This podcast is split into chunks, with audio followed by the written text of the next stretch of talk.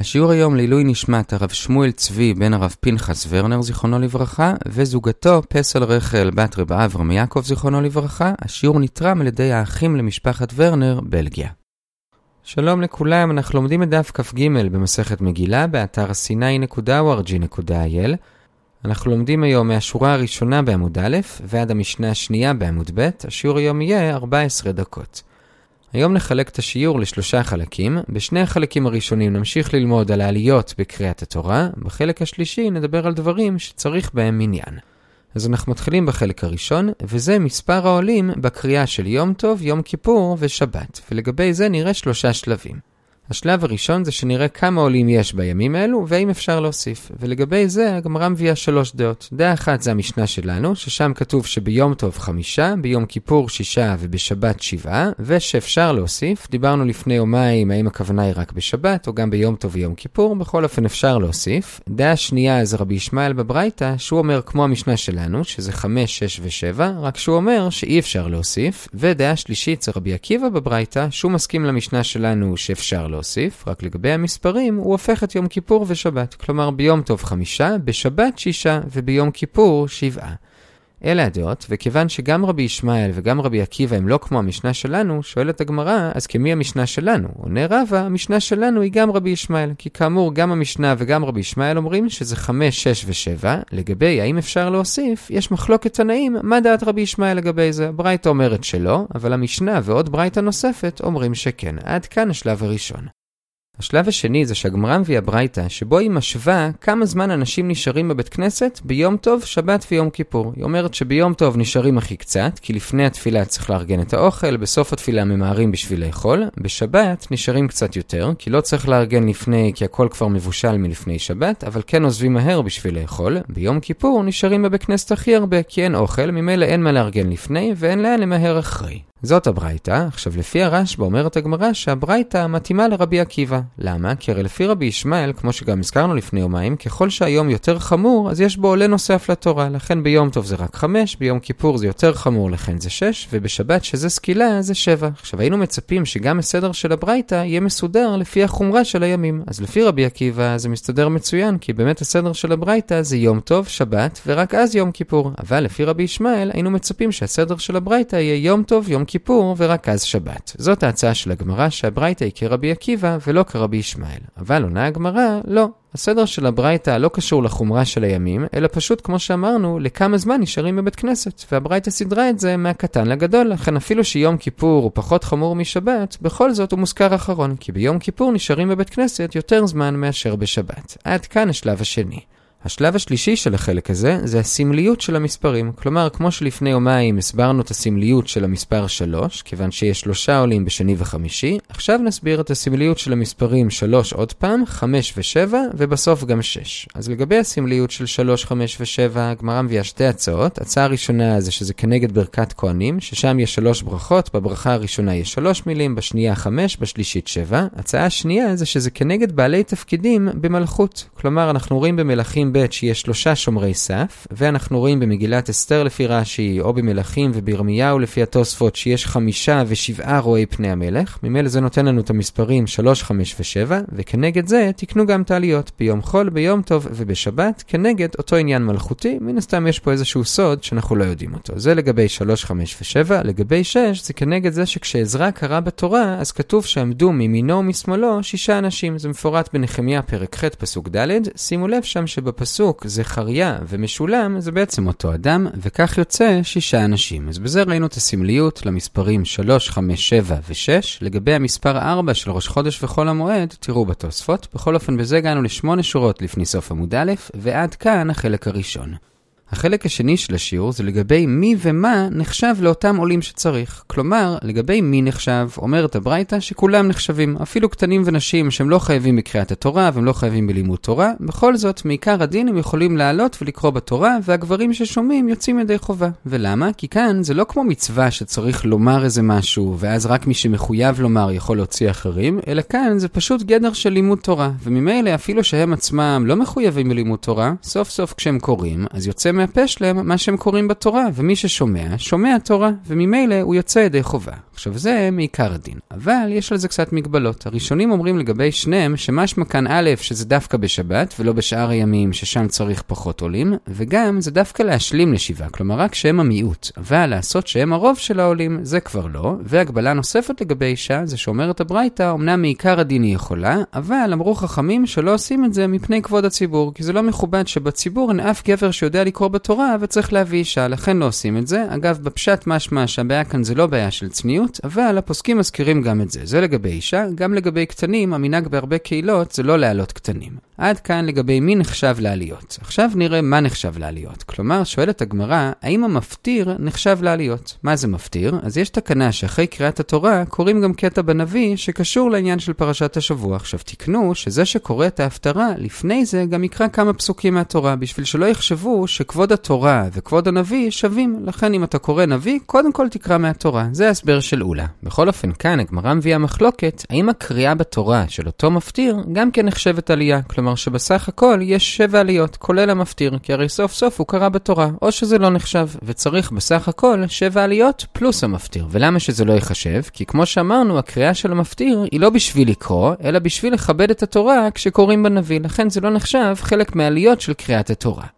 זאת המחלוקת, והגמרא מביאה קושייה על הדעה שאומרת שזה לא נחשב, כלומר שבסך הכל צריך שמונה עליות. הקושייה היא מברייתא שאומרת שהאורך של ההפטרה בנביא שקוראים צריך להיות באותו אורך של האורך המינימלי של הקריאה בתורה, וכיוון שיש שבע עליות, והמינימום של כל עלייה זה שלושה פסוקים כמו שראינו, ממילא המינימום זה 21 פסוקים, אז גם המינימום של ההפטרה זה 21 פסוקים. זה מה שאומרת הברייתא. עכשיו ממילא מכאן מקשה הגמרא, הרי לפי הדעה שאומרת שבעצם בתורה אין רק שבע עליות, אלא יש שמונה עליות, בגלל המפטיר מפטיר, אז יוצא שאין רק 21 פסוקים, אלא 24 פסוקים. אז למה בהפטרה מספיק 21 ולא צריך 24? עונה הגמרא, כיוון שהקריאה של המפטיר זה לא חלק מהותי מהקריאה, אלא זה רק בשביל כבוד התורה, אז גם לא מחשבים את זה כשמחשבים כמה פסוקים צריך בנביא. ולכן גם לפי הדעה הזאת עושים רק 21 פסוקים ולא 24. עד כאן המחלוקת לגבי האם המפטיר נחשב חלק מעליות או לא. כאמור, המנהג שלנו היום זה שהוא לא נחשב חלק מעליות, ועושים אותו עלייה שמינית. עכשיו, לסיום החלק הזה, ממש בסוגריים, מהשורה הראשונה בעמוד ב' ועד המשנה שם, כיוון שכבר הזכרנו שבהפטרה יש מינימום של 21 פסוקים, הגמרא מקשה על זה שתי קושיות. קושייה אחת זה שהרי יש הפטרה שהיא קצרה יותר מ-21 פסוקים, וזה הפטרה שקוראים בפרשת צו מירמיהו פרק ז' פסוק כ"א, כה אמר השם צבקות אלוקי ישראל עולותיכם, ספו על זבחיכם וכו'. וכולי, והרי שם ההפטרה היא רק 17 פסוקים. עונה הגמרא, נכון שבדרך כלל צריך 21 פסוקים, אבל אם הנושא שאותו אנחנו קוראים מסתיים לפני 21 פסוקים, כמו במקרה שם בירמיהו, שזה מסתיים כבר אחרי 17 פסוקים, ואחרי זה זה כבר נבואה חדשה, אז מפסיקים גם לפני 21 פסוקים. זאת קושייה ראשונה והתשובה. קושייה שנייה זה מזה שרב שמואל ברבא סיפר שכשהוא היה לפני רבי יוחנן לפעמים היו קוראים בהפטרה אפילו רק עשרה פסוקים, עונה הגמרא זה במקום שיש תורגמן, כלומר שאחרי כל פסוק מהנביא הוא מסביר את זה בשפה מובנת, וכיוון שזה מעריך את הקריאה לפחות פי שניים לא רוצים להטריח את הציבור, לכן שם הפסיקו גם מוקדם יותר, אבל כשאין מתורגמן אז עושים 21 פסוקים. עד כאן לגבי 21 פסוקים בהפטרה, זה היה בסוגריים בתוך החלק השני, ועכשיו במשנה הראשונה בעמוד ב' אנחנו עוברים לחלק השלישי והאחרון. הנושא של החלק הזה זה מצוות או דינים שצריך בהם עניין של עשרה. בין השאר, המשנה מזכירה גם את קריאת התורה וההפטרה, ולכן זה מוזכר כאן. אז במה צריך עשרה? אז כאמור, יש כאן רשימה ארוכה, נחלק אותם לשלוש קבוצות. הקבוצה הראשונה זה דברים שבקדושה. גמרא מביאה כלל שכל דבר שבקדושה צריך עשרה. ולכן כשפורסים על שמע, לפי הרמב"ם הכוונה היא שהחזן אומר את הברכות שלפני קריאת שמע והקהל מקשיב ועונה אמן, ובזה הוא יוצא ידי חובה, בשביל זה צריך עשרה, אחרת כל אחד צריך לומר בעצמו. הרמב"ם גם מכניס לכאן את הקדיש, וכשעוברים לפני התיבה, כלומר חזרת השץ, ובברכת כהנים לפי המאירי, ובקריאה בתורה ובנביא לפי המאירי, כל אלה נחשבים לדברים שבקדושה, ולכן צריך בהם עשרה. עכשיו, מה המקור לזה שדברים שבקדושה צריכים עשרה, אז הגמרא לומדת את זה מגזרה שווה משולשת. כלומר, כתוב אחרי חטא המרגלים, עד מתי לעדה הרעה הזאת? מכאן למדנו שעדה זה עשרה, כי הרי במרגלים היו 12, אבל כלב ויהושע הרי לא היו רעים, ממילא העשרה שנותרו, הם נקראים עדה רעה, מכאן שעדה זה עשרה אנשים, ובבמדבר ט"ז בקורח כתוב, היבדלו מתוך העדה הזאת, אז כתוב את המילה מתוך ליד המילה העדה, למרות ששם ודאי שמדובר ביותר מעשרה, אבל בכל זאת זאת אנחנו לומדים שהמילה מתוך קשורה למילה העדה, ובויקרא כ"ב כתוב, ונקדשתי בתוך בני ישראל, אז כיוון שאמרנו שתוך קשור למילה העדה, ושעדה זה עשרה אנשים, ממילא גם ונקדשתי בתוך בני ישראל זה בעשרה אנשים. אז דבר שבקדושה צריך עשרה. עד כאן הקבוצה הראשונה של דברים שצריכים עניין, והמקור.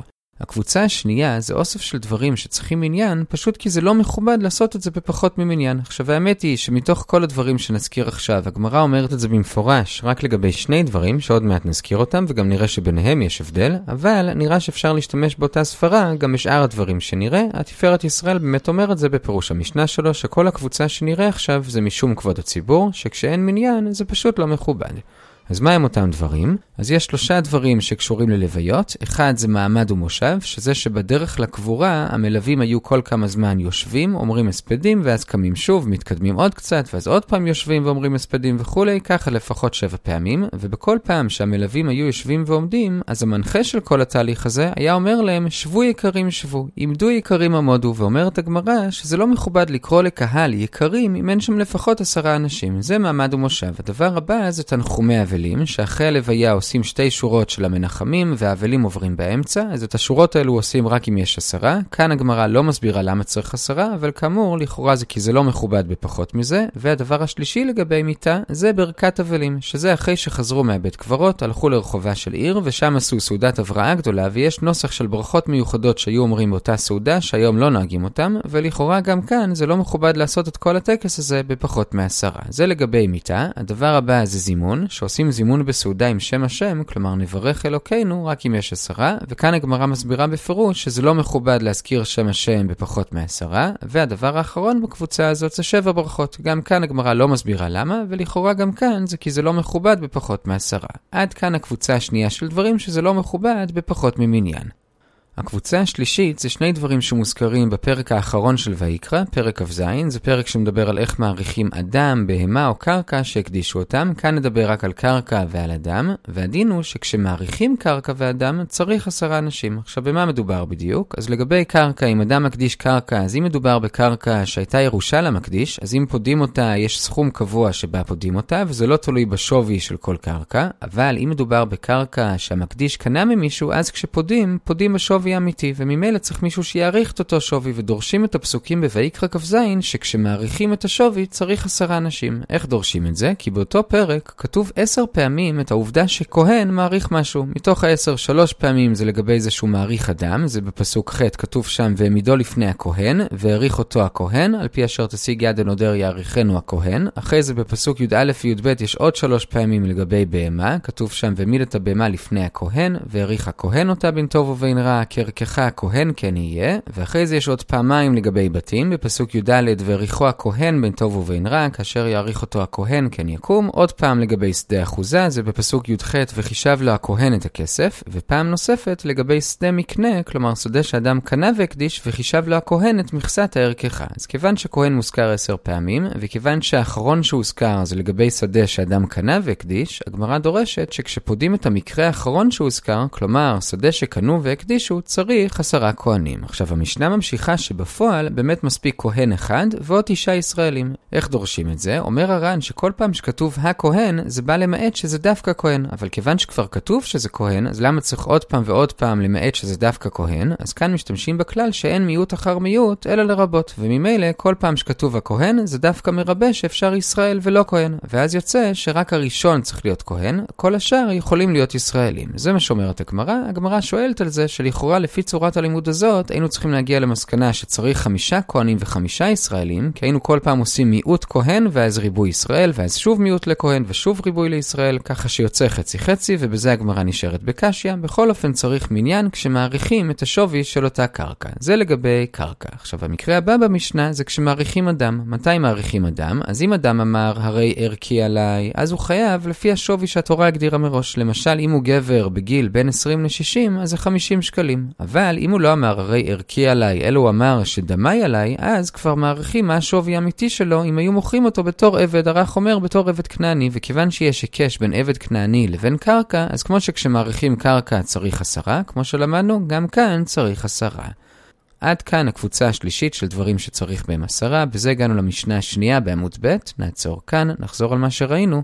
חילקנו היום את הלימוד לשלושה חלקים. בחלק הראשון דיברנו על מספר העולים ביום טוב, בשבת ויום כיפור. ראינו שיש בזה שלוש דעות. המשנה שלנו, ולפי המסקנה גם דעה אחת ברבי ישמעאל, זה שביום טוב חמש, ביום כיפור שש ובשבת שבע, ואפשר להוסיף על זה. דעה שנייה ברבי ישמעאל זה אותו דבר, רק שאי אפשר להוסיף על זה. ודעה שלישית זה רבי עקיבא, גם הוא מסכים שאפשר להוסיף, רק שהוא אומר שביום כיפור שבע ובשבת שש. אחרי זה הבאנו ברייתא שדיברה על האורך של התפילה ביום טוב, שבת ויום כיפור, והזכירה את שבת לפני יום כיפור, אז אמרנו שלכאורה זה כמו רבי עקיבא, שגם מבחינתו יוצא שיום כיפור יותר חמור משבת, כיוון ששם יש שבע ובשבת רק שש, וענינו, לא, זה גם מתאים לרבי ישמעאל, והסיבה שהזכירו שם את שבת לפני יום כיפור, כי שם זה מתואר לפי סדר אריכות התפילה. ובסוף החלק הזה הסברנו את הסמליות של המספרים שהזכרנו, הסמליות של 3, 5 ו-7 זה או ברכת כהנים, או פסוקים לגבי שומרי הסף וחמישה ושבעת רואי פני המלך, והמספר 6 זה ששת האנשים שעמדו מימינו ומשמאלו של עזרא כשהוא קרא בתורה. זה היה החלק הראשון. בחלק השני ראינו מי ומה נחשב לעליות לתורה. אמרנו שילדים ונשים יכולים לעלות עקרונית, אבל לא שכולם יהיו ילדים ונשים, אלא רק שישלימו לשבע, וגם שבסוף אמרו חכמים שנשים לא, מפני כבוד הציבור. אחרי זה ראינו מחלוקת לגבי קריאת המפטיר, האם זה נחשב כחלק מהשבע או שזה שמיני. הבאנו קושייה על מי שאומר שזה שמיני, אבל תירצנו, וכיוון שבאותה קושייה הזכרנו שבנביא קוראים 21 פסוקים, הקשינו על זה משני מצבים שבהם קוראים פחות, וענינו, אם העניין נגמר בפחות אז קוראים פחות, וגם אם יש מתורגמן, הזמן קוראים פחות בשביל לא להטריח את הציבור. זה היה החלק השני.